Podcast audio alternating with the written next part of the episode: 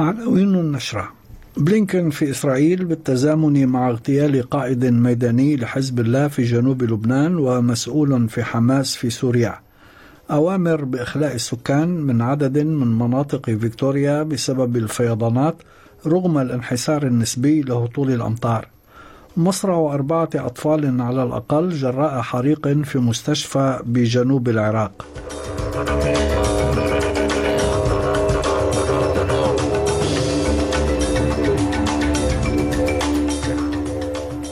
هاشم الحداد يحييكم وإليكم التفاصيل. تعرضت جهود وزير الخارجية الأمريكي أنتوني بلينكن لمنع توسع الحرب في غزة خلال زيارته الرابعة إلى الشرق الأوسط منذ اندلاعها في السابع من تشرين أول أكتوبر الماضي إلى نكسة كبيرة أمس حيث تزامن وصوله إلى تل أبيب قادما من السعودية مع الإعلان عن اغتيال القائد الميداني في حزب الله وسام الطويل أثر استهداف سيارته بصاروخ موجه أطلقته مسيرة إسرائيلية في بلدة خربة سلم في جنوب لبنان الواقعة على بعد 11 كيلومترا من الحدود. وأشارت وسائل أعلام إسرائيلية إلى أن الطويل هو المسؤول عن إطلاق الصواريخ على قاعدة ميرون الجوية يوم السبت الماضي. كما أعلن الجيش الإسرائيلي أمس أنه قتل المسؤول في حركة حماس في سوريا حسن عكاشة في بيجن الواقعة تحت سيطرة الحكومة السورية والقريبة من مرتفعات الجولان المحتلة. وقال الجيش في بيان أن عكاشة كان مسؤولا عن عمليات إطلاق القذائف الصاروخية لحماس من داخل الأراضي السورية نحو إسرائيل خلال الأسابيع الأخيرة. وقبيل وصول بلينكن إلى إسرائيل أكد الرئيس الأمريكي جو بايدن أمس أنه يعمل بهدوء على دفع الدولة العبرية لتقليص انتشارها العسكري في قطاع غزة وذلك بعدما قاطعه في كنيسة بولاية كارولينا الجنوبية أثناء إلقائه خطابا محتجون دعوا لوقف لإطلاق النار في غزة. Without the truth, there's no light. Without light, there's no path from this darkness. If you really care about the lives lost here, then you should honor the lives lost and call for a ceasefire in Palestine. Ceasefire now! Ceasefire now! Ceasefire now! وكان بلينكن صرح في السعودية قبيل صعوده إلى الطائرة للتوجه إلى إسرائيل أنه بحث خلال زيارته المقتضبة إلى المملكة تطبيع العلاقات مع إسرائيل بعد تعليق المفاوضات المتعلقة بهذا الأمر على خلفية الحرب بين حماس وإسرائيل. وأضاف بلينكن أنه من الواضح أن الأمر سيتطلب إنهاء النزاع في غزة وإيجاد مسار عملي لقيام دولة فلسطينية. وأقر الوزير الأمريكي بصعوبة تحقيق هذه الأهداف لافتا في نفس الوقت إلى أن القادة العرب الذين التقاهم حتى الآن توافقوا على التنسيق مع الولايات المتحدة للمساعدة في مرحلة ما بعد الحرب في غزة. No one I talk to thinks any of this will be easy. Um, all recognize the uh, the hurdles, and no one thinks that anything will happen overnight. But we agreed to work together.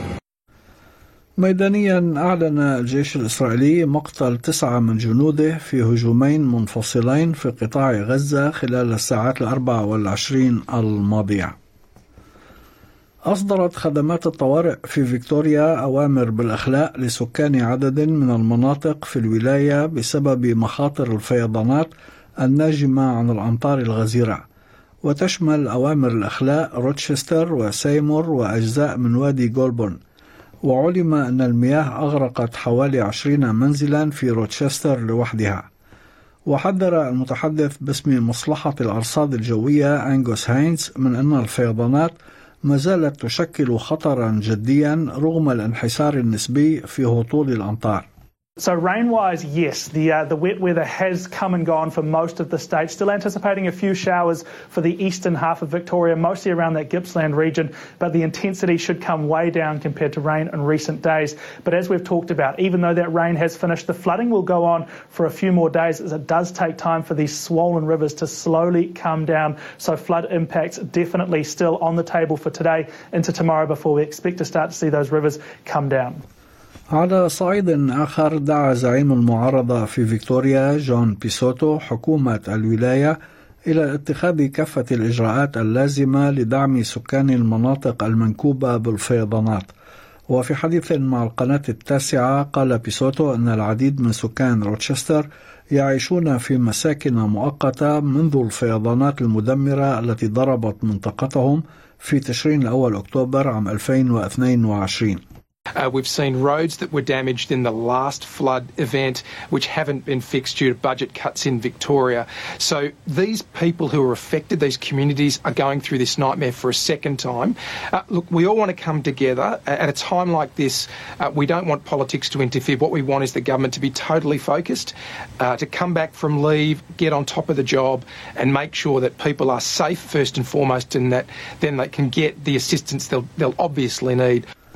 واليوم أعلن رئيس الوزراء أنتوني ألبانيزي من الجولد كوست عن تقديم الحكومة الفيدرالية لحزمة مساعدات جديدة بقيمة 20 مليون دولار للسكان والمصالح والبلديات في المناطق التي ضربها الطقس العاصف في شمال وجنوب شرق كوينزلاند الشهر الماضي. وتهدف المساعدات الجديدة خصوصا إلى تمويل إعادة إحياء قطاع السياحة المحلي وجهود إعادة الأعمار والتنظيف وأشار البنيزي الذي سيزور فيكتوريا غدا إلى أن هذا المبلغ سيضاف إلى 64 مليون دولار أعلنت الحكومة عن تقديمها لكوينزلاند الشهر الماضي.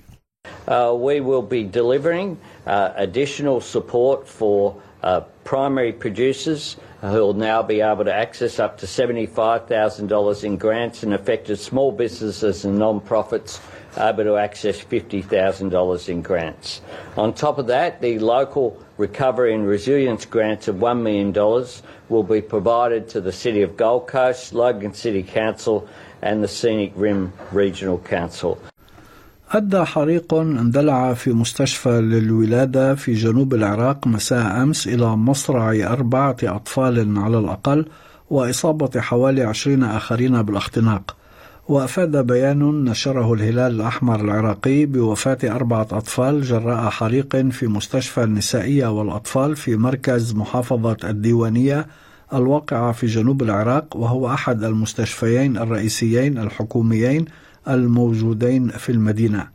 وأضاف البيان أن تماسا كهربائيا تسبب بالحريق مشيرا إلى إخلاء 150 طفلا و190 مرافقا لهم من المستشفى إثر الحريق.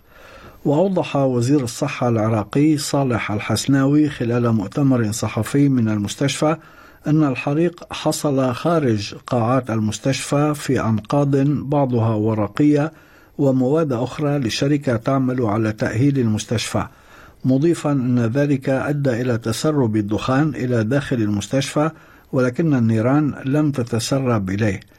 من جهته أمر رئيس الوزراء العراقي محمد شياع السوداني إثر الحريق بسحب يد المسؤولين المقصرين في الحادثة وإحالة الشركة المنفذة لأعمال تأهيل المستشفى إلى التحقيق. وغالبا ما يؤدي اندلاع حرائق إلى كوارث مميتة في العراق.